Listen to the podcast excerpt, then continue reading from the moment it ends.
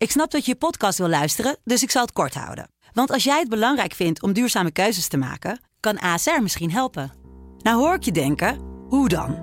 Nou, bijvoorbeeld bij het duurzaam herstellen van schade. Of de premies die we beleggen volgens ons duurzaam beleggingsbeleid. Dat bepaalt waar we wel en juist niet in investeren. Wil je meer weten over welke duurzame keuzes ASR maakt? Ga dan naar asr.nl/slash duurzame keuzes. ASR doet het. Zo, dan kan je nu lekker naar je podcast luisteren.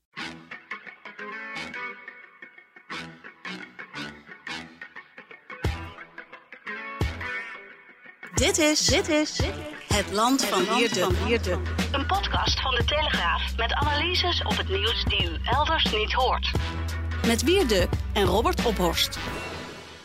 Het is uh, donderdag 9 december met uh, vandaag in deze show Wiert die moest opdraven in de rechtbank. Excuses van RTL Boulevard voor het gebruik van het woord kopdoeken. Een, een nieuwe bondskanselier uh, in Duitsland met megalomane plannen voor klimaat en immigratie.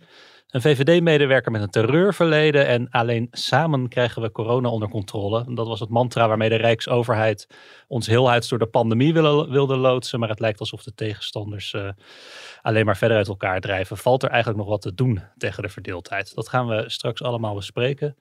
Uh, Wiert, ik heb je net nog even streng toegesproken om uh, alle, alle piepjes en geluidjes, meldingen en pingetjes uit te zetten. Ook de pacemaker, hè? De pacemaker. Ja, dankjewel. het is eigenlijk een wonder dat we hier uh, in de studio zitten samen met, met producer Marieke. Want met name, half Nederland zit inmiddels in quarantaine. Met name mensen ja, met schoolgaande kinderen. Nou, daar ben jij er ook een ja. van. Het is jou bespaard gebleven no, tot nu toe. Nog, nog wel, maar het aantal mensen dat ik ken, de buren rechts, de buren links, weet je wel. Die, dan zijn die weer in quarantaine, dan die weer ja. en zo. Dus het gaat wel helemaal heel snel allemaal. Vreselijk. Ja. Alle kinderen vaccineren, nu. Ja, dat is dus een, daar kunnen we een hele podcast over praten. dat is een heel erg heikel thema. En daar ben ik nog helemaal niet uit uh, nee. wat ik daarvan moet vinden. Nou, we, we gaan het over corona straks uh, uitgebreider hebben.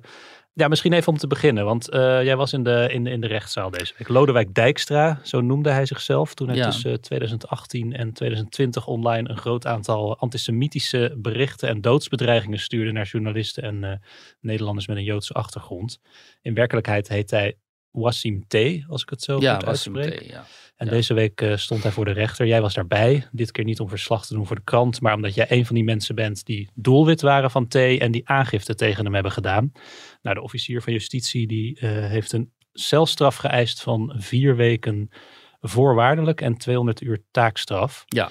Nou, ik ga je niet vragen om een bloemlezing te houden, maar toch om even een idee te krijgen om wat voor berichten ging het nou die jij en die andere mensen die aangifte hebben gedaan kregen van hem? Ja, dat ging vooral voor de, uh, over, om heel heftige uh, berichten voor de uh, Joodse collega's. In mijn geval um, bleef het meer beperkt tot we gaan je doodschieten en we gaan je vinden en um, hoe dan ook ze worden doodgeschoten en ook werd mijn dochter bedreigd met, um, laten we zeggen, anale penetratie door um, um, asielzoekers uit, uh, uit Afrika. Dat was ook niet zo fijn. En hoe kreeg je dat dan binnen? Via Facebook? Ja, via Facebook Messenger kwam dat binnen. En wat, wat echt de druppel was, was een um, beeld dat hij had gefotoshopt van een lynchpartij in het zuiden van de Verenigde Staten. En, en dan zie je Billy Holiday, die noemde dat strange fruit. Hè? Dus dan zie je van die mensen hangen aan die... Um, aan die boom. En uh, de gezichten van die, van die slachtoffers dus, die had hij vervangen door mijn gezicht, een gezicht van Esther Voetes, collega van het uh, nieuwe Israëlitisch Weekblad, en mijn dochter. En uh, toen dacht ik, ja, dit is wel mooi geweest. Nu gaan we aangifte doen. En toen heb ik samen met Esther Voet, de collega, dus de Joodse collega, en nog wat andere mensen aangifte gedaan. En dat duurde een hele tijd. Maar uiteindelijk, en dat is het uh, goede Iran, heeft het Openbaar Ministerie dat serieus genomen. En vooral ook de politie.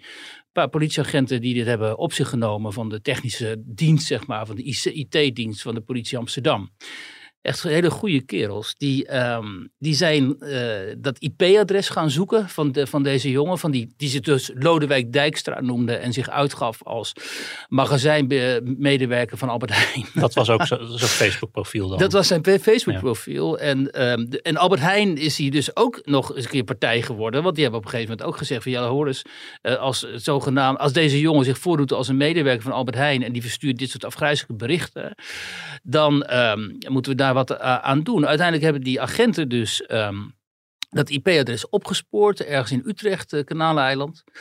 Daar is een inval geweest bij die Mhm. jongen. De computer en zo, telefoons meegenomen. En nou ja, die hele familie, hij woont bij zijn moeder. Nou, die v- enorm geschrokken en zo natuurlijk. En uiteindelijk is hij eh, gedaagd, moest hij voorkomen. In april speelde dit al eerder, maar toen kwam hij niet opdagen. En toen hebben wij gezegd, ja, dit heeft voor ons weinig zin. Hè? Als die rechtszaak dient, dan willen we toch graag dat hij er ook is. Ja. Nou, en van de week was hij er dus wel. Ik zal even voorlezen wat hij dan bijvoorbeeld schreef aan eh, Joodse collega's. Hè? Dingen als eh, binnenkort gaan we op jullie zionistische beroepsprovocateurs schieten. Daarna zullen jullie ophangen op jullie dode lijken, spugen en pissen. Daarna zullen alle joden en islamhaters vervolgd worden. Eh, ziek Hamas. En Mhm. dan eh, nog, ik zal nog even twee dingetjes of zo. Tegen Natasja van Wezel notabene. ehm dochter van Max van Wezel. Hè Journalist ook journalist. Eh, ik vind het jammer dat opa ontsnapte uit, Auschwitz. Als ik hem daar gespot had kunnen hebben, dan had ik hem kapot geschoten, zodat we zo'n kankerneus als jij zouden voorkomen. Ik ben Lodewijk en het interesseert me geen ene kanker wat je over mij publiceert. Aan ehm, actrice Marianne van Reden schreef hij, leuk hè Marianne van Reden, die media-aandacht. Ik zal de woorden nog eens voor je herhalen en weet je waarom?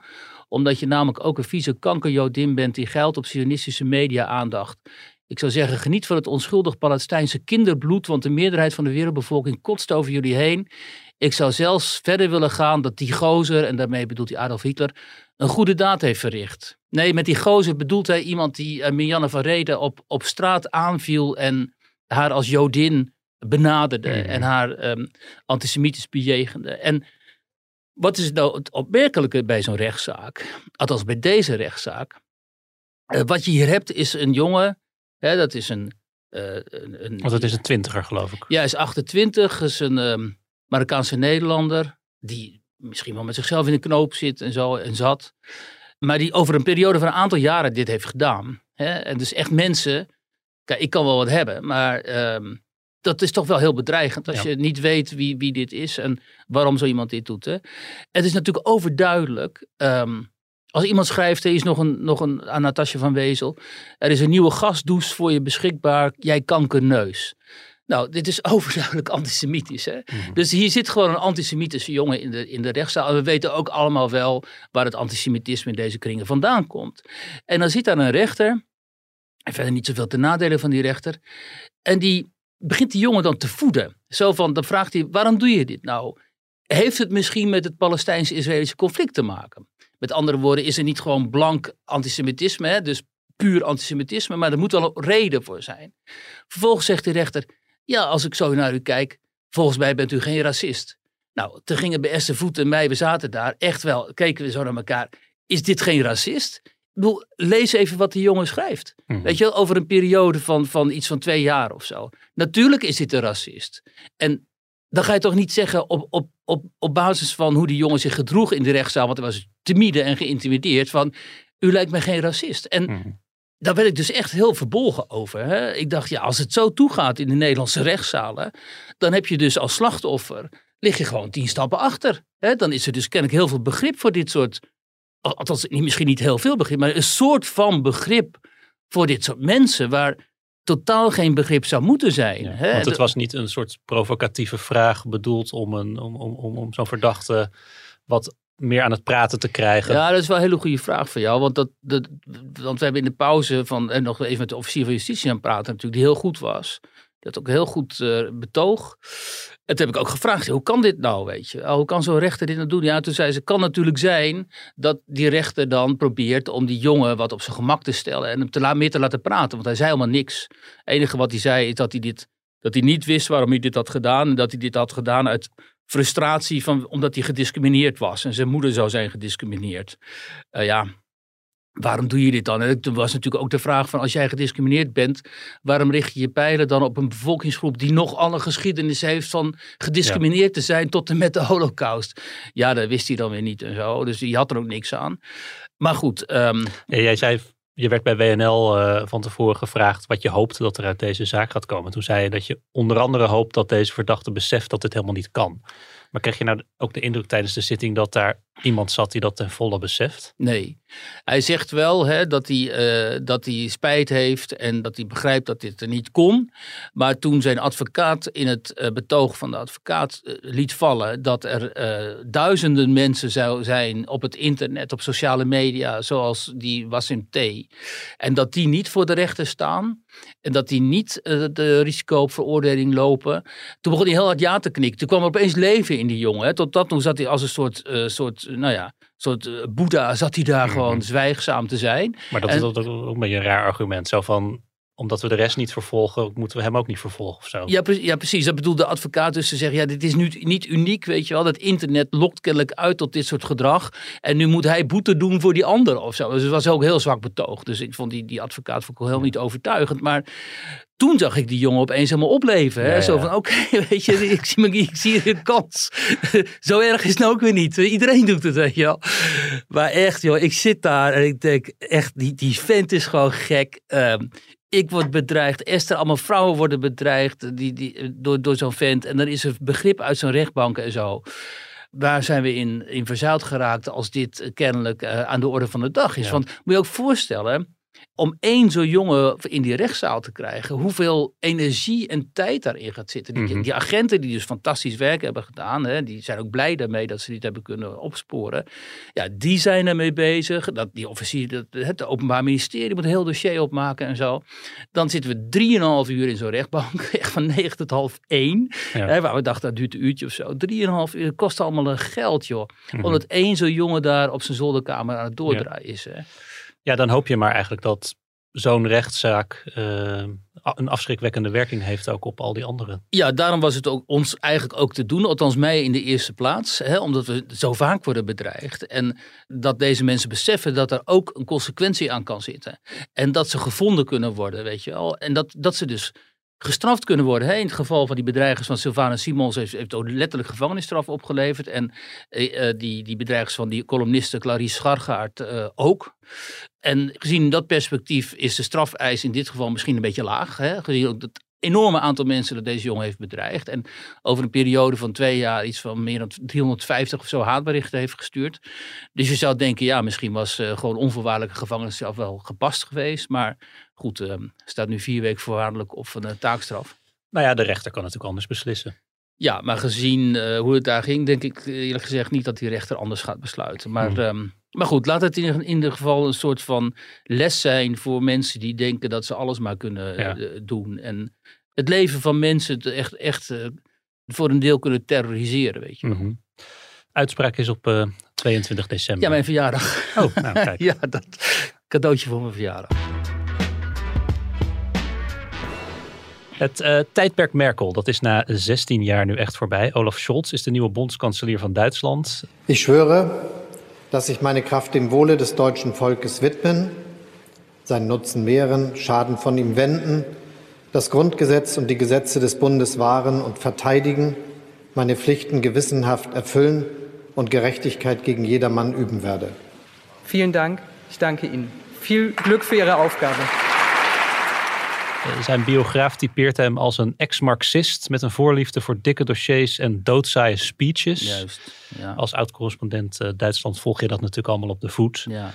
Wat gaan we in Nederland en Europa merken van deze Scholz, denk jij?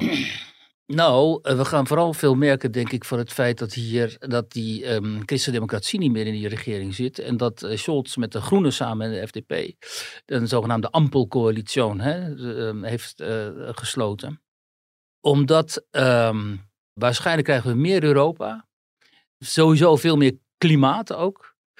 En als Nederland er niet op tijd bij is, kan het wel zijn dat Duitsland en Frankrijk met elkaar gaan bepalen hoe het, in, uh, hoe het er in Europa verder, hè, wat ze natuurlijk deel zal doen, ja. maar dat een soort van kern-Europa zal ontstaan. Waarin Nederland mag meehobbelen als we niet uh, op tijd op die trein uh, springen. Omdat vooral die groenen, en die, die Annalene Beerbok, de lijsttrekker van de Groenen, die is minister van Buitenlandse Zaken geworden. Om daar vooral het klimaat te gaan promoten internationaal. Want de echte buitenlandse dossiers, dat is altijd chefzagge in, in Duitsland. Dus dat, mhm. dat, gaat die Scholz dan doen. Maar die Anneline Beerbok, die totaal onervaren is, eigenlijk een uh, vrouw van 40. Die, gaat dan, die wordt dan de. Hè, waar vroeger, waar je mensen, vroeger mensen hadden Willy Brandt en Dietrich Genscher. En zo heb je nu dus deze dame van de Groene.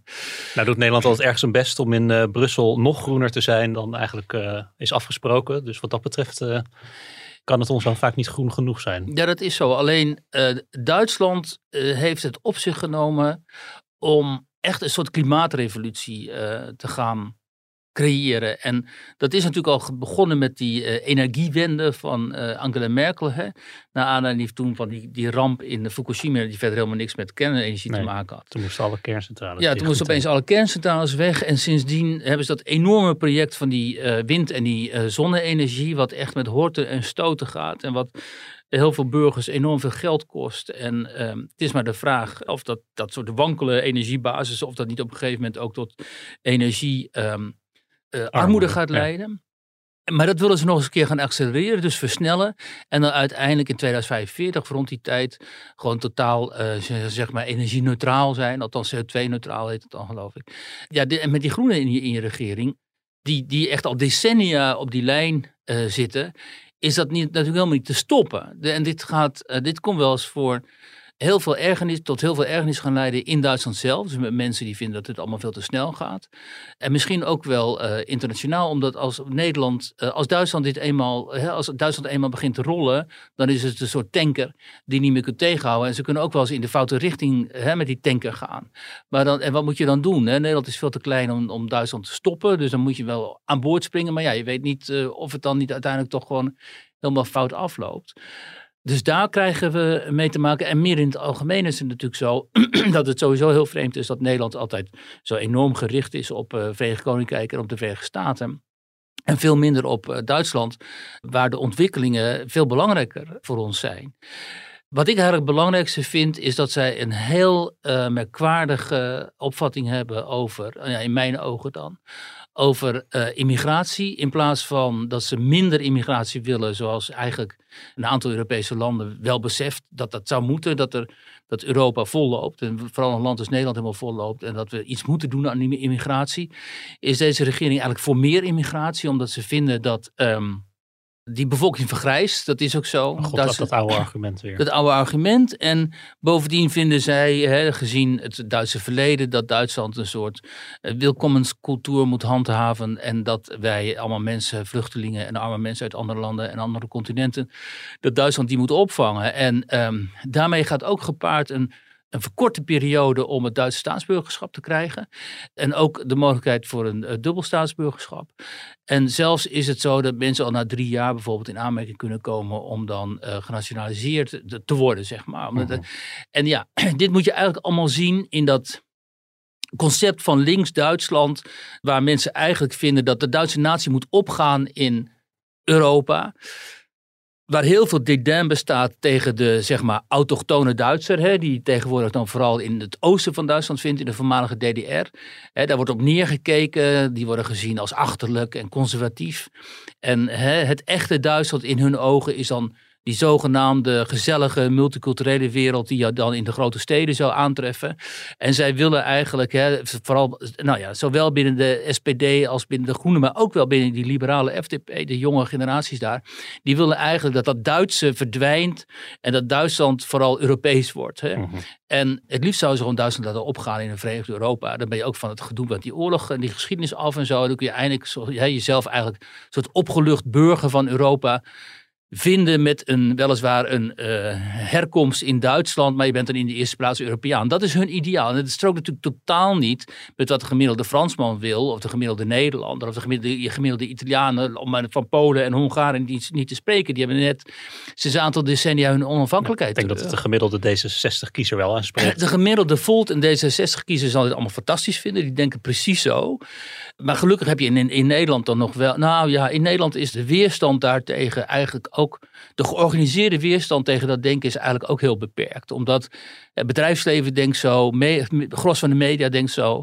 De links, zeg maar centrum-linkse politieke partijen denken zo. En ja, wie verzet zich hier nu helemaal tegen? Misschien ja 21, Forum en PVV, maar die hebben helemaal geen, geen politieke macht. Dus in die zin is de situatie in Nederland niet zo anders. Alleen in Duitsland eh, spreken ze dit gewoon veel meer uit. Omdat ze dit echt een, een een heel eh, fatsoenlijk en een aantrekkelijk ideaal vinden. Maar En kennelijk zijn er wel genoeg kiezers dus voor. Ja, zeker onder de jongeren zijn er voldoende kiezers, maar ook wel onder die generaties 40ers, 50ers, die ook nog altijd worstelen met die schuld van hun ouders. Hè, want die ouders waren al nazi's. Ja, dat is allemaal verschrikkelijk en zo. Dus die hebben altijd nog een soort gevoel, we moeten iets goed maken tegenover de rest van de wereld. Dus kijk, ons is fantastisch zijn hè, in het opnemen van al die vreemdelingen en zo. En dan sluiten ze dus gewoon totaal hun ogen, maar dan ook echt totaal, voor de werkelijkheid in die steden, zoals Berlijn, maar ook hè, andere grote steden, steden in het Roergebied en zo, waar eh, buitenlandse clans het, aan, het voor het zeggen hebben. Libanees, Koerdische clans, Turkse clans en zo, die hebben daar gewoon enorm veel invloed in eh, bepaalde, bepaalde wijken. Eh, dus net zoals wij hier te worstelen hebben met die eh, georganiseerde Marokkaanse misdaad, hebben zij dat met eh, eh, andere Ara- Arabische en ook Turkse misdaadkartels. En voor het feit dat eh, de islam en de politieke islam natuurlijk wordt binnengehaald, net zoals in Frankrijk gebeurd is, die voor enorm grote problemen zorgt. Maar ja, dat willen ze niet zien, want ze zijn vastbesloten om die richting op te gaan van dat eh, multiculturele, gezellige in hun ogen eh, Europa. En deze regering, kijk, Angela Merkel die had nog iets van zoiets bodenständiges. Hè? Die kwam er ook uit het oosten van Duitsland en zo'n domineesdochter en zo. En die koketteerde ermee dat ze dan, hadden ze zo'n huisje daar of zo'n huis daar, eh, zo- zomerhuis daar ergens in het oosten van, van Duitsland.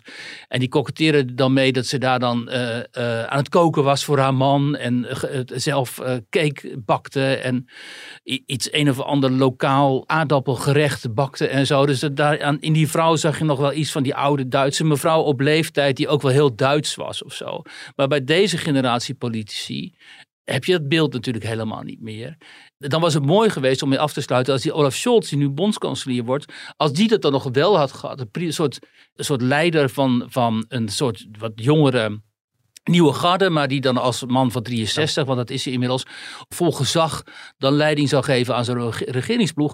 Maar die Scholz is volstrekt kleurloos. Dat is een technocraat, wat je zei, de- de oud-Marxist en vervolgens weer zo'n dossiervreter die totaal saai is en totaal mensen niet kan begeisteren en zo, zoals het heet. Dus visieloos eigenlijk wel. En die is dan de leader of the pack. hè. En ja, dan, dan krijg je dus een regering waarvan ik eerlijk gezegd maar hard vasthoud, omdat ze hebben zichzelf zulke enorme uitdagingen opgelegd. En het is maar helemaal de vraag of, eh, A, of dat gaat lukken. En als het wel gaat lukken, welke richting dat dan opgaat. En, wat, en hoe stabiel uiteindelijk dan Duitsland blijft. Want als je dit wereldbeeld opdringt aan ook een heel groot deel van de Duitsers dat wel degelijk conservatief is. Hè, en dat eh, vroeger bij de CDU van, van Kool zat. En nu voor een deel bij die AFD is gaan zitten. En voor een deel helemaal niet meer weet of wie ze moeten stemmen.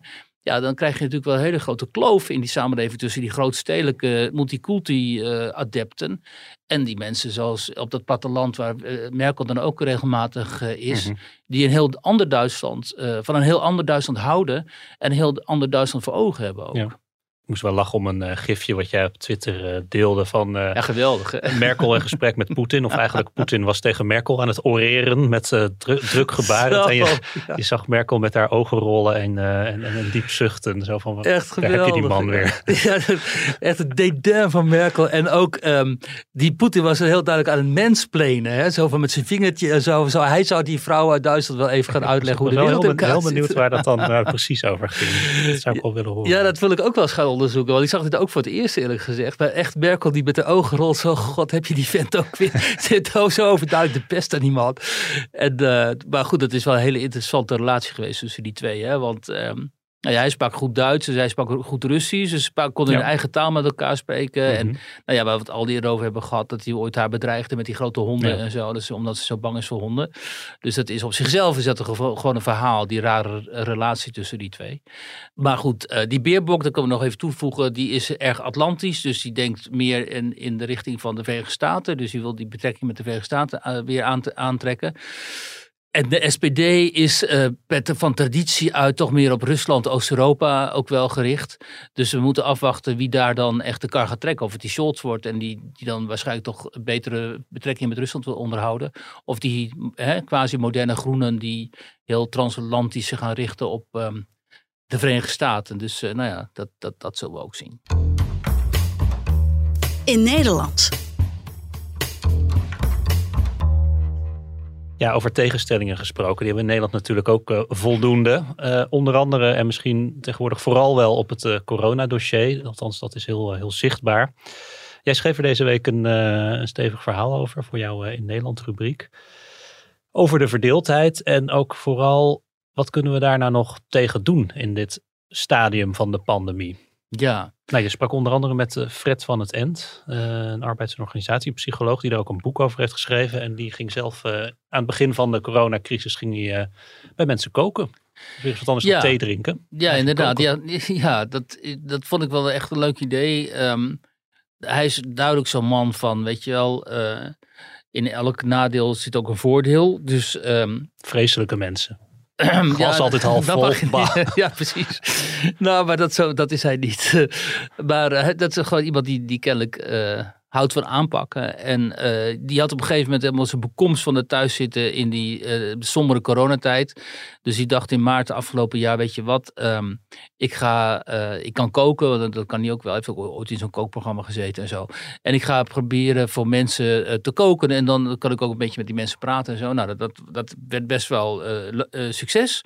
Dus hij kwam overal en sprak met al die mensen en uh, merkte toen de grote behoefte bij die mensen om, om dat, die, dat die crisis eindelijk eens een keer achter de rug is. En ook dat we moeten proberen te komen tot een soort van begrip voor elkaar. Dus de mensen die nu zo lijnrecht tegenover elkaar staan, hè, die gevaccineerden en ongevaccineerden, dat die toch ook wel, als je met ze praat, um, natuurlijk gewoon een gemeenschappelijk belang hebben, namelijk om uit de crisis te komen. En um, hij is heel kritisch op het coronabeleid. Hij is ook wel iemand die dan zegt van ja, kijk eens even, hè, dat World Economic Forum en zo, dat vertrouwt hij ook allemaal niet zo. Die is allemaal gaan uitzoeken. Dat heeft hij ook wel gedaan in zijn boek en best wel goed ook. Ja. Dan krijg je, hij is, hij is niet een complotdenker, maar hij zegt ja, het is onmiskenbaar natuurlijk wel dat we een bepaalde weg zijn ingeslagen, eh, waar ik het niet mee eens ben. Althans, hij is het er niet mee eens. En eh, toen heb, ben ik nog een aantal mensen gaan spreken. En wat ik dan interessant vind is dat je met hele hoogopgeleide, redelijk rationeel denkende mensen spreekt. Hè, zoals met een medisch socioloog uit Nijmegen. Of een medisch wetenschapper uit uh, Nijmegen. Uh, die dan ook zegt van deze maatregelen zijn zo disproportioneel gezien het karakter van het virus. En gezien het gevaar dat het virus uh, betekent. Hè, in het algemeen voor de bevolking. Dat ik daar, zegt hij, uh, niet meer in mee kan gaan. En wat is dan het gevolg als hij dat zegt binnen zijn familie? Dat hij dan binnen zijn familie, waar hij eigenlijk altijd de medische vraagbaak was, mm. hè, dat hij dan door zijn familieleden als een paria wordt gezien. Want, zegt hij, die mensen zijn zoveel, uh, zo angstig geworden door al die mediapropaganda, noemt hij dat dan, en die overheidspropaganda en zo, dat ze helemaal niet meer objectief kunnen kijken van, ja, wat is nou bijvoorbeeld de mortaliteits... Um, factor van, van dit virus. En hoe Ja. groot is nou precies het risico dat ik überhaupt in een ziekenhuis terechtkom als ik corona zou oplopen en zo. Nou, en, en hij niet alleen, ook een paar andere mensen die eh, hebben een soort gelijk verhaal. En die, die zijn toch wel heel erg gedeprimeerd, eh, viel mij op. Ook één iemand eh, die ook niet echt met, met zijn eigen naam in de krant wilde en zo. Waar ik ook lang mee gesproken. En die zei ook, joh, ik trek dit gewoon echt helemaal niet meer. Ik kan het gewoon niet meer aan. ehm, omdat het druist zo in tegen eh, het rationele denken, zegt deze man dan. Hè? Als je gewoon analyseert, waar, wat is nou dit virus? En wat zijn nou, nou ja, wat ik eerder zei, hè? wat zijn nou de risico's die je loopt? En vervolgens staan er van die draconische maatregelen tegenover. Hè? Zoals QR-pas en bijna gedwongen vaccinatie en zo. Hij zegt, ik kan daar gewoon helemaal niet in meegaan. En ja, je hebt natuurlijk mensen die zijn al gevoelig daarvoor. Die raken bijvoorbeeld hun baan kwijt of, hè, of die raken hun vriendenkring kwijt en zo. En die, die komen echt, die schieten echt in een, eh, in een depressie. En wat ik interessant vond aan deze manier, die was zijn leven lang eigenlijk al D66-kiezer en ook D66-lid. En die zegt, ja, daar ben ik helemaal mee gekapt. Ik heb ook mijn lidmaatschap van D66 opgezegd. Want als ik die Jan, Jan Paternotte zie, dat is dan het Tweede Kamerlid hè, voor D66. En die zit zo agressief eh, de vaccinaties te promoten en eh, noemt ongevaccineerden eigenlijk uitschot. Hè, daar komt het op neer.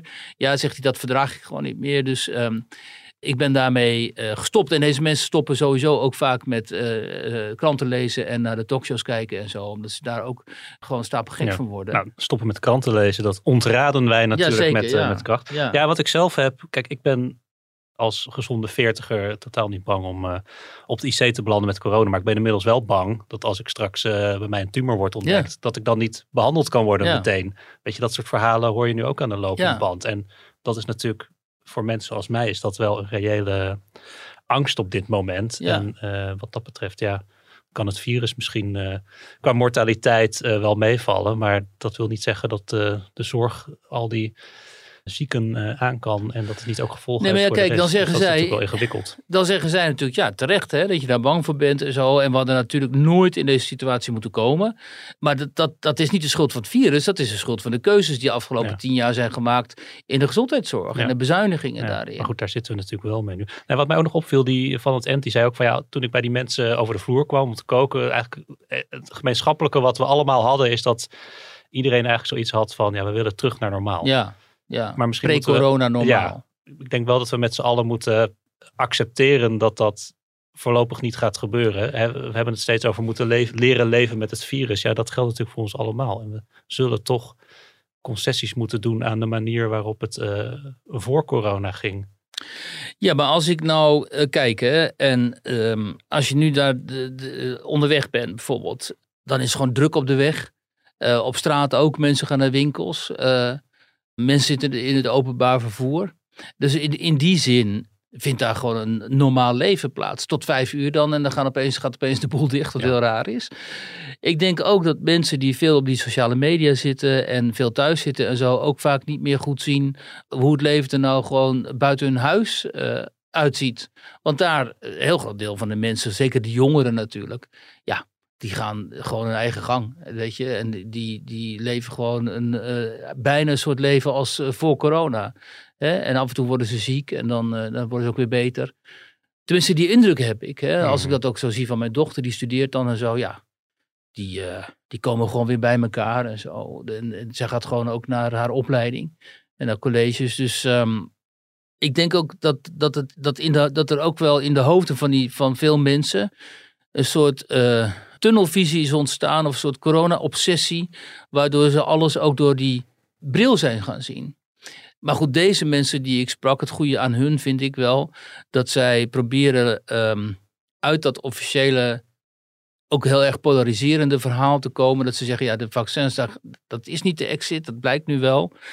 Dus we moeten op zoek naar andere oplossingen waardoor zowel die zorg eh, in stand kan worden gehouden, als dat ook de samenleving weer, weer open Ja. kan gaan. En, eh, hè, en, we, dat, en we, dat we niet per se vertrouwen alleen maar op die eh, vaccins, maar bijvoorbeeld ook op gezonde leven en zo. En eh, ook dat, de, dat vind ik ook, dat vind ik vanaf het begin van de crisis ook fout, dat de overheid niet veel nadrukkelijker ook heeft ingezet op preventie. Dus op hè, mensen heeft geattendeerd op dat, dat je gezonder moet leven, dat je moet gaan afvallen, hè, doe ik ook. En, maar ook dat je, ehm, dat je door meer te bewegen en zo, in ieder geval kunt voorkomen dat je morbide obese wordt en diabetes krijgt en daardoor nog ontvankelijker wordt voor een ernstige vorm van Ja. COVID. Nou, laat het eh, Blokhuis niet horen, de staatssecretaris voor van Want die zit er wel volop in, staat al met zijn preventieakkoord te wapperen. ja. ja, nou ja, maar goed. ehm, in ieder geval, ik vind het wel eh, fijn omdat dat intelligente mensen ook loskomen van, eh, van die twee kanten. Hè? Wat, het, wat die van het eind ook zegt. Je hebt, kijk, aan de ene kant heb je die wappies, die ehm, een deel van die mensen, van die kritische mensen, die zijn echt, zeg maar, wappie in de zin van dat ze geloven dat dit een door, door Klaus Schwab aangedreven complot van het WEF is om ons allemaal in een soort eh, sociaal kredietsysteem zoals in China eh, te duwen, hè, wat ik natuurlijk ook niet geloof. Ehm, en aan de andere kant heb je de Rutte-adepten die alle ongevaccineerden wegzetten als eh, smerige egoïsten en hen bijna onmenselijk. En inderdaad, die twee verhalen, die zijn beide intolerant en niet, niet oké en niet democratisch. En daar moeten we natuurlijk van loskomen. En daar in het midden moet zich eh, het debat afspelen en daar moet ook de oplossing eh, vanuit gaan komen. Wie, wie, wie, wie het Week. Ik eh, maakte een fout. Ik eh, noemde een ander woord voor hoofddoek. En eh, ja, dat had ik meteen door. Ik maakte ook meteen een excuus eh, hier eh, aan de desk. Maar doordat ik er zelf ook van schrok en me daar ongemakkelijk bij voelde, probeerde ik er later, om het glad te strijken, nog een grap over te maken. En noemde ik het woord weer. Ja, en dat is nooit mijn, mijn bedoeling geweest. Het was een slip of the tongue. Ik wil daar oprecht excuus voor maken. Ik heb het nooit zo bedoeld. Het is ook niet mijn bedoeling om mensen of culturen uit te sluiten of te veroordelen. Helemaal niet zelfs. En daarom bij deze nogmaals wil ik die woorden graag terugnemen. En ja, oprecht een excuus aanbieden voor de consternatie. Ja, dit was een fragment uit uh, RTL Boulevard. Lex Uiting hoorden we. Ja, ik, ik vond het hilarisch. Ik, uh, ik ben een vaste of een regelmatig boulevard kijker, maar dit had ik helemaal gemist. ja. Maar ik, ik moet hier erg om lachen. Ja, het is echt... Uh, waarom moest jij erom lachen? Ja, ik... Het, het, kijk, hij, het ging erom, hij had in een, het, ze bespraken daar aan de desk de Meilandjes en ja. uh, dat het gedoe met die, met die sponsorcontracten. Ja. En dat, uh, Erika Meiland heb je en hoe heet die dochter ook alweer? Of, um, Maxime. Maar, ja, en, en Erika Meiland had dan allerlei verschrikkelijks gezegd over ja, nou, dat de, hebben de we ook in hoofddoek de, en de niqab. Ja, dat zo, hebben we ook een paar keer in de podcast vorige Ja. week nog besproken. ja. Nou, daar, daar ging het over. En de discussie was van ja, mag, wat mag je nou allemaal nog zeggen en wat niet? En is hier de vrijheid van meningsuiting in geding? En is dit cancel culture? Nou, toen nam hij het woord. eh, eh, wat zei nou? Kopdoek. Ja, kopdoek. Niet eens kopvot, maar kopdoek. Ja. En het schijnt in het Venloos dialect, althans in een van die dia- dialecten uit Limburg, uit de streek waar hij vandaan komt, schijnt dat het, het kop, kopdoek schijnt dus gewoon de gangbare term Ja? voor hoofddoek Oh, te dat- zijn. dat wist ja, ik ook niet. Mensen uit Limburg, mocht hij luisteren, als het niet klopt, dan klopt het niet. Maar dit, kreeg, dit las ik dus ergens. Nou, ja. daar werd meteen, dat werd meteen al geconstateerd van, oh, wat zeg je nou? Je bedoel je niet gewoon hoofddoek? En nou, daar kwam je dus een dag later op terug op deze manier. Ja, ik moest erom lachen, omdat het zo... Ja, jeetje, je kan ook... eh Ja, laten zeggen. Nou, Nou ja, waar je het- om moet lachen natuurlijk, is de totale onderwerping, Ja. hè, de Nou en- ja. aan, de, aan de druk uit de moslim, nou ja, niet eens Nou uit de moslimgemeenschap, ik- maar uit, uit, uit de eigen omgeving dus. Kijk, ik wist ook niet, ik weet niet of dat, wist niet dat dat echt een normaal woord is. Maar kijk, ik snap best, RTL is gewoon een publiekszender. Ja. Eh, of het is een commerciële zender, maar wel voor een zo breed mogelijk publiek. Ze zijn afhankelijk van adverteerders. En ze hebben natuurlijk ook gewoon een, een groot aantal van hun kijkers is moslim. En ze hebben ook heeft gezien een- wat er met die Precies, gebeurt, namelijk die worden gecanceld. Dus ja. zij willen ook niet eh, al hun kijkers eh, tegen zich in het harnas jagen of een deel daarvan. Dus ik snap wel dat dat eh, misschien wat ongelukkig was. En juist omdat zij zo zich bewust waren van hoe gevoelig dat ligt. dat dan Ja, vond ik op zich een goede keuze om dan even in die uitzending daar nog Had op terug te komen. zeggen. Ja, jongens, ik had hoofddoek Ja, moeten zeggen. Maar ja. het ging zo uitgebreid en zo deemoedig. En eh, ja, daar moest, daar moest ik wel om lachen. Ik, eh, een beetje met... Ja, je, verwacht toch eigenlijk dat hij dan ook nog even nederig bukt of zo, weet je wel. En in al zijn nederigheid en onderdanigheid als smeekt om vergeven, vergiffenis ik, ik vind wel... voor deze zonde. Het, het woord kopvot is natuurlijk door Wilders. eh, eh, nou, niet, hij zal het niet bedacht hebben, misschien ook wel, maar Misschien Martin Bosma, die Ja. is wel van de taal. hij, eh, hij- ja. dat is natuurlijk een bekende, een bekende uitspraak van Wilders over kopvodden. En het is, je hoort dat ook wel vaker, ook van PVV-kiezers. PVV-sympathisanten, van ja, dat ze dan vinden van nou, ik stem op Wilders, eh, maar hij gaat soms wel wat te ver. En dan wordt toch vaak dat voorbeeld van die kopvodden genoemd. Ja, dat kopvot is natuurlijk een hele badinerende, denigrerende term. Ja, en dan zeggen En- ze ook zo van, nou, ja, eh, we zouden misschien ook soms liever hebben dat Ja. er iemand anders was die hetzelfde soort geluid vertolkt, maar dan wat beschaafder. Ja, Want- natuurlijk. Want het is onbeschaafd. En dat is het probleem met dit hele debat natuurlijk. Dat het op zo'n onbeschaafde manier, dat er op een hele onbeschaafde manier thema's worden aangesproken die wel degelijk heel belangrijk zijn.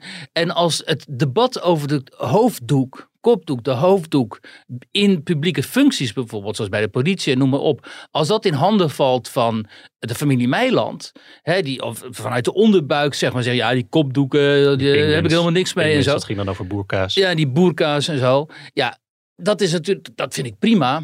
Ik heb daar geen problemen mee, maar dat, dat moet natuurlijk niet. Als je een fundamenteel debat wil voeren over mogen wij de hoofddoek hè, bij de politie bijvoorbeeld en in de rechterlijke functies, eh, dat, juridische functies en zo, dan moet je dat wel op een beschaafde manier doen. Je kunt toch op een beschaafde manier zeggen, joh, die hoofddoek, dat is het symbool van de onderdrukking van de vrouw in de islamitische cultuur.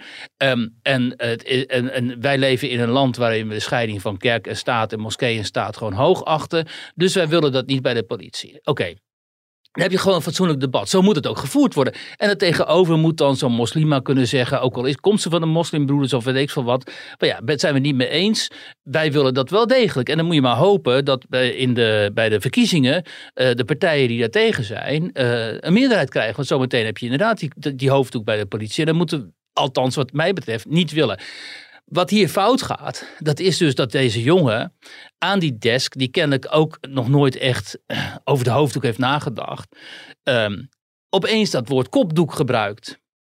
Dat zo'n jongen opeens wordt betrokken in een debat waar hij waarschijnlijk helemaal geen sjoegen van heeft, waar hij nog nooit aan deelgenomen heeft. Opeens wordt hij daar ingetrokken omdat nu net iemand van die meilandjes wat heeft gezegd over boerkaas en toestanden en zo.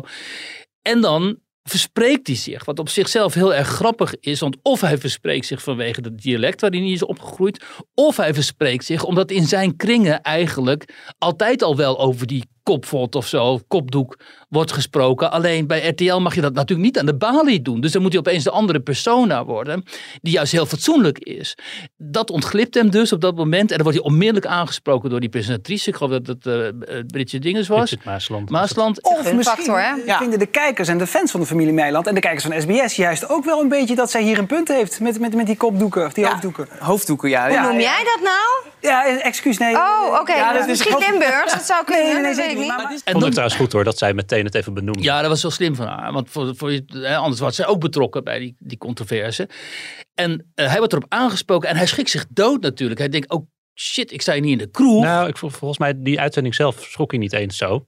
Nou, Eh, volgens mij dacht hij, oh ja, ik sta hier niet in de kroeg, weet je wel. ja, ik, kan, ik kan me dit niet Het was in ieder geval een dag permitteren. later duidelijk dat, eh, dat hij er wel flink van was. eh, Nou ja, die dag later was hij natuurlijk geschrokken van alle consternatie. Want toen kreeg hij. Kijk, en, het, en, en wat er dan gebeurt, en dat vind ik zo kwalijk. Dan komt opeens die Soendos, die cabaretière, hè, die komt dan heel fel uit de hoek op Instagram van.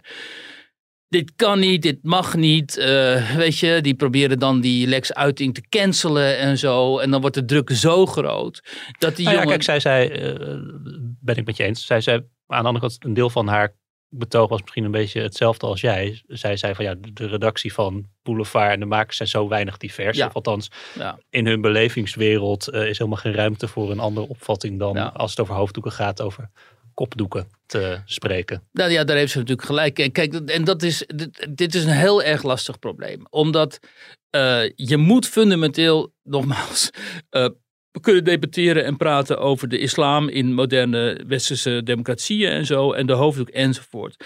Alleen als het, wat ik inderdaad eerder zeg, dan moet je er wel een beetje verstand van hebben. En dan moet je ook wel mensen kennen uit die wereld en een beetje in die kringen ook verkeren. Hè, of hebben verkeerd, of in ieder geval eh, bronnen hebben, kennissen, vrienden, wat, in, in die islamitische kringen ook. Ehm, eh, die ik toevallig heb vanwege mijn levensloop en omdat ik ook eh, me daarmee bezig hou als journalist. En daarin heeft Soenders natuurlijk gelijk. Bij RTL zitten dus allemaal mensen die hoog van de toren blazen dat alles diverser en bla bla bla en zo moet. Alleen zelf hebben ze helemaal geen ingangen in die kringen en hebben ze helemaal geen vrienden in die kringen. En dan ontstaat inderdaad zo'n raar beeld over die, over die hoofddoek. Of dan kan zoiets, eh, zo'n jongen aan de desk eh, ontglippen. Ja, dat is echt eh, heel ingewikkeld. Dat gaan we zo meteen ook zien met die, als we het gaan hebben over die uh, Soumaya Sala. Ook het totale onbegrip waar zo'n vrouw dan vandaan komt en wat die nu is en zo. Dat hebben we de afgelopen week ook gezien, maar daar gaan we het zo meteen over hebben. Maar dan nog blijft natuurlijk overeind dat de vreselijke deemoedigheid die hier tentoon werd gespreid. eh, dat had één op één op Noord- Noord-Koreaanse staatstelevisie natuurlijk kunnen worden uitgezonden. En Ja, dat is wel eh, heel erg schokkend. eh, als het dan toch moet, ga ik gewoon gelijk in de, in de vijfde versnelling. All the way. het, het was nog maar net dat hij zich niet bekeerde tot de islam eh, op primetime Dus eh, ja, dat is wel heel erg sneu om te zien. Dat totale gebrek aan ruggengraat. En eh, de, de wil om dan je helemaal aan te passen aan, aan, eisen, eh, aan de eisen vanuit dat mili- milieu. Je had ook gewoon kunnen zeggen, jongens, oké, slip of tong was onfatsoenlijk. doen we niet nog een keer. En sorry, en daarmee uit. Weet je wel. Beroering eh, afgelopen week op het eh, anders zo rustige medium Twitter. Eh, de zus van D66-Kamerlid Fonda Sala blijkt een veroordeeld lid te zijn van de Hofstadgroep. Deze Soumaya Sala kreeg drie jaar cel voor haar lidmaatschap van de terreurgroep en voor verboden wapenbezit. Publicist en Meiland, daar heb je ze weer, biograaf Jan Dijkgraaf, die ontdekte die familieband en die trok erover aan de bel. Geert Wilders heeft er kamervragen over gesteld inmiddels. Hij wil onder andere weten waarom hij daar niet over is geïnformeerd door de NCTV. De man die wordt immers al 17 jaar zwaar beveiligd en eh, heeft al 17 jaar geen normaal leven meer, omdat moslimextremisten hem eh, met de dood bedreigen. Vooral ook de Hofstadgroep, hè, waar ze Ja. deel van uitmaakten. Soumaya Sala, een veroordeeld terrorist van de Hofstadgroep, adviseert, zo blijkt nu de VVD, over de nationale veiligheid en loopt hier mogelijk vaker in dit gebouw rond, of bij de VVD of bij haar zus, die volgens de berichten uit de media Kamerlid is voor D66. En ik vind dat schokkend. Ik stond zelf op de dodenlijst van de Hofstadgroep. En niemand heeft mij ooit verteld iets over deze vrouw. Ik vind het echt ongelooflijk dat hier in dit gebouw naar alle waarschijnlijkheid gewoon een veroordeelde terrorist rondloopt. Een lid van de Hofstadgroep die, zoals u weet, een ander lid van de Hofstadgroep, eh, Theo van Gogh, heeft vermoord. Die Soumaya Sala die is inmiddels uh, gederadicaliseerd en ze werkt onder andere als uh, radicaliseringsexpert voor de VVD. Ja. Uh, waar Corrie Frits Bolkenstein al, uh, Bolkenstein al tien jaar haar mentor, als haar mentor optreedt. En ze promoveert momenteel ook aan de Universiteit van Leiden bij Paul Cliteur. Die dan weer de mentor is van Thierry Baudet. Ja, volgens mij professor bij Kinneging zelfs. Oh, de, de nog okay. conservat, veel conservatievere uh, Leidse rechtsfilosoof. Overigens, als je haar naam noemt, dan slaat Siri bij mij aan. Ja, dat heeft iets ja. te betekenen, Robert. Dat is, hier zit een geheim uit, achter. Siri, uh, ja, Siri, Siri wie is er maar? Siri gaat nooit uit, hè? Volgens mij als er een, een, kernbom op de wereld valt, dan gaat Siri uh, overleeft Siri dat zelfs nog. Ja, maar, precies. Nee, jij wilde het hier uh, ook even over hebben. Jij kent haar ook, hè? Die, ja. die Somaya. Jij was op de hoogte ook van haar verleden en haar veroordeling. Ja. Nou ja, kijk, en dat was het, uh, het interessante aan dit, uh, deze oproer. Dat is dat um, uh, heel veel mensen haar kennen. Omdat Soumaya Sala een soort is opgenomen in de kringen rond Frits Bolkestein. En waar Frits Bolkestein kwam de afgelopen jaren, daar kwam zij ook. En, Jij ook. Um, en nou, op sommige van die bijeenkomsten was ik ook. bij de boekpresentatie van... Um, een boekpresentatie van Paul Cluteur bijvoorbeeld. Daar was zij ook. En ze werd opgenomen, zeg maar, in kringen van journalisten, opiniemakers, politici ook. Had als opgenomen. Met die mensen had ze gewoon contact. Net als iemand als uh, Jason Walters. Hè, die uh, ook was, ook voormalig lid ja. van de Hofstadgroep. Die ook was veroordeeld en gederadicaliseerd. Ook wel eens hier in de podcast geweest. Jason is wel eens een keer hier in de podcast geweest. En... Um, en toen Fonda Sala, haar zus, die voor D66 uh, actief is, in de Kamer kwam, ging ik er in mijn naïviteit van uit dat wel, zeker in politieke kringen, bekend was dat zij een zus is van Soumaya Sala. En guilt by association is natuurlijk nooit een uh, fijne, nee. fijne houding. Dus ik dacht, nou ja, dat, dat, dat, dat, dat, dat gebeurt gewoon. Hè, dat daar niet naar verwezen wordt, mm. kan ik ook wel weer voorstellen. Maar wie schetst nou mijn verbazing toen Jan Dijkgraaf hier dus over begon dat er allemaal ophef ontstond en dat Wilders dit niet wist. En dat uh, Geert Wilders ook niet door de veiligheidsdiensten. Ja, want snap was, je dat, dat hij daar uh, vragen Ja, dat snap stelt? ik heel goed. Hoewel ik denk, al, uh, althans ik weet, dat zij bijvoorbeeld wel Martin Bosma kent. Mm -hmm. Althans, het, dat, dat heeft zij mij verteld. Dus zo raar moet dat niet zijn binnen de PVV dat die naam van Soumaya Sale opduikt. Alleen was misschien niet bekend dat zij de zus is van Fonda Sale, die letterlijk in de Kamer zit. En was bij de PVV ook niet bekend, hoewel ik me dat afvraag. Ik vraag me af of Wilders daar niet gewoon politiek slaatje uitslaat. Maar was kennelijk ook niet bekend dat ze voor de VVD actief is iedereen, nogmaals, ook binnen de PVV had kunnen weten dat zij actief is voor Bolkestein. Omdat ze zo vaak bij Bolkestein optreedt. Mhm. Ze zijn ook een keer gezamenlijk geïnterviewd voor Elsevier. Hè, waarin Bolkestein ook duidelijk optrad als zijn mentor. En ze een filmpje gemaakt door Soumaya Sale. Waarin Bolkestein uh, Fonda uh, feliciteert met haar komst naar de Kamer. Hè, want Fonda Ja. Is tussentijds naar de Ja, is Kamer tijdelijk gekomen. Kamerlid ja, ze is tijdelijk die, eh, Kamerlid. dat ziektegeval. Precies. Ik weet even niet meer voor wie ze nou Nee, weet ik ook niet meer. Maar ze kwam een maand of twee maanden geleden of zo kwam zij die kamer binnen.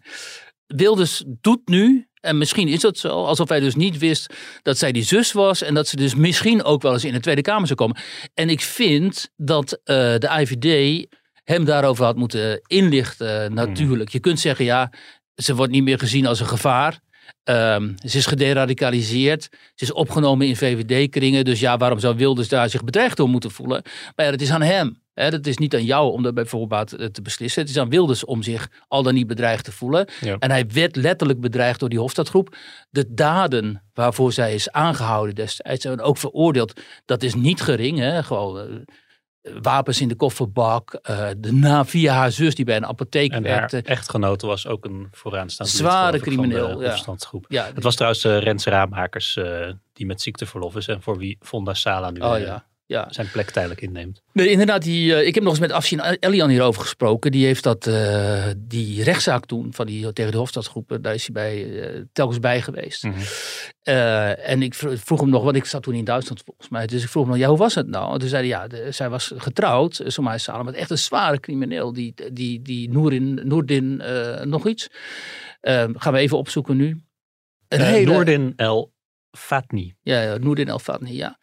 Een eh, hele agressieve jongen schijnt het, althans in de, volgens eh, Elian. En eh, gewoon gevaarlijk. En dus zij verkeerden in die kringen. En ik kan me heel goed voorstellen, als je haar niet kent, hè, als je haar niet gewoon met haar gesproken hebt en niet kent en zo, dat je denkt, wow, weet je, ex-terroristen.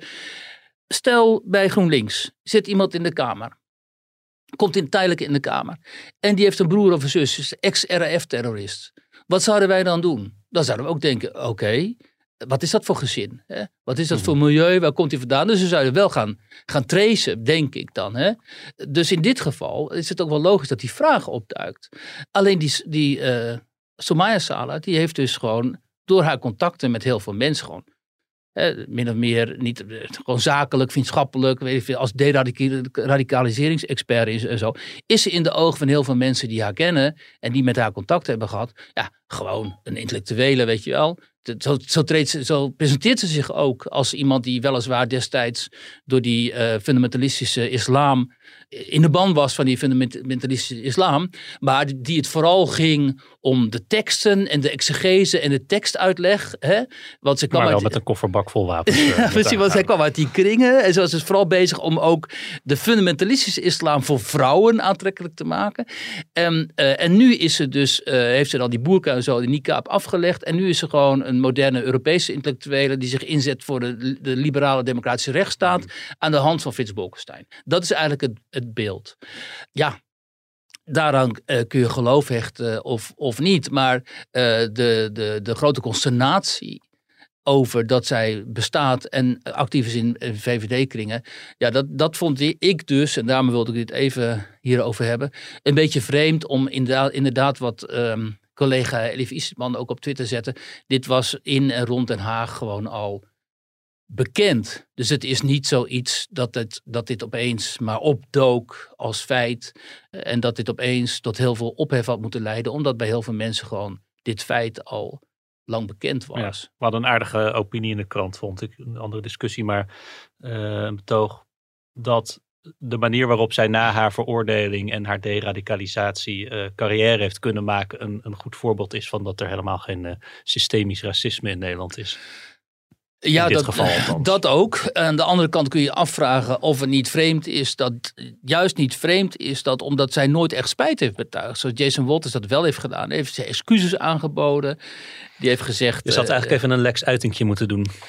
een soort van Lex Uiting, maar dan wat minder deemoedig misschien. Maar ze had inderdaad wel een keer, keer kunnen zeggen van, ja, hè, daar heb ik wel heel erg fout Ik mag gezeten. toch hopen dat je dan inderdaad bij de mensen met wie je werkt als radicaliseringsexpert, dat daar wel voor die mensen wel duidelijk is dat zij daar nadrukkelijk afstand van doet. Nou ja, van dat het beeld bleef hangen lang, is blijven hangen, eigenlijk tot nu, dat hier sprake was van een gerechtelijke dwaling. Terwijl zij gewoon is veroordeeld voor straf, strafdaden. En daarvan had zij kunnen zeggen, dat deugde niet. Ik was daar gewoon helemaal spoorbijster, totaal ontspoord. En eh, dankzij dat ik mijzelf heb, eh, hè, dankzij zelfstudie en zo, Dankzij mijn gevangenisstraf. nou ja, Jason is natuurlijk in de gevangenis tot, tot één Ja. keer gekomen.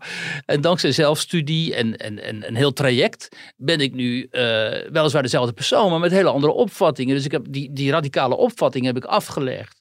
Ehm, en het spijt mij, want ik heb de Nederlandse samenleving behoorlijk eh, veel schade berokkend. Dat zou je verwachten.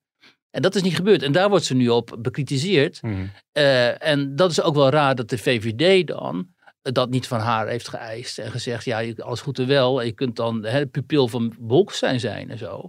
Maar we verwachten wel hier even dat je duidelijk maakt dat je echt compleet gebroken hebt met dit, eh, met dit verleden. Ja. En dan is er vervolgens nog een journalistieke vraag, hè, van hadden de media die dit wisten, en heel veel media wisten dit, hadden die dit nou moeten eh, annoteren, dus hadden dit, dit, dit, dit nu hier iets mee moeten doen, of doe je niet aan guilt by association. Hè? Mhm.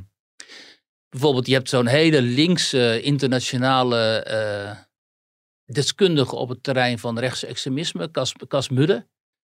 En zijn broer is bekend, dus ik, ik besmeur hem hier niet, maar zijn broer is bekend neonazi.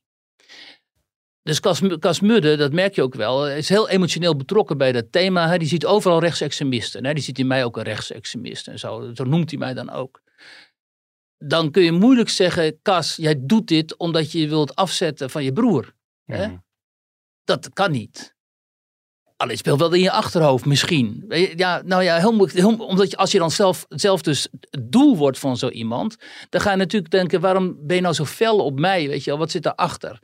Maar je kunt natuurlijk niet, als je een profiel maakt, nee, je kunt niet in, in die, die, die Cas Mudde eh, hoe heet het, verantwoordelijk maken natuurlijk voor de daden van zijn broer. Dat kan niet, weet je. Ik bedoel, heel veel mensen hebben wel een rare broer of een zus of een neef eh, of nicht en zo. Dus ja, dat, dat, dat, kan gewoon. Ja, net zoals je Maxime Meiland niet eh, verantwoordelijk wil maken voor de uitspraken van haar moeder. Nee, dat is helemaal verschrikkelijk. En net zo, kijk, want mensen gaan nu zeggen, ja, maar hè, die pers die zat wel bovenop eh Kautar uit de GroenLinks-fractie, omdat hij dus banden had met de, de moslimbroederschap. Maar dat was zij zelf. Mhm. Ik vind als Fonda Sala, Fonda Sala, als die een verleden had gehad met de Hofstadgroep, ja, dan had het natuurlijk breed uitgemeten moeten worden, want dat was dat gewoon een hele merkwaardige situatie geweest. Maar dat is immers niet zo, Mhm. weet je. Nou, eh, Oh, we zijn er door. we zijn er weer door. Geloof ik. bijna in slaap gevallen. Nou ja, ik schrok even wakker.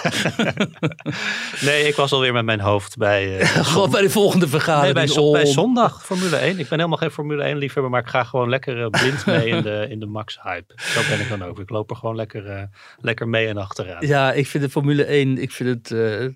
ik, blijf het een probleem vinden. Want ze vertrekken gewoon en dan gebeurt er vervolgens bijna niks meer. En dan eindigt het met ofwel Lewis Hamilton of Max Verstappen op één of twee. En eh, ik kijk liever naar eh, voetballen en eh, vanavond Vitesse.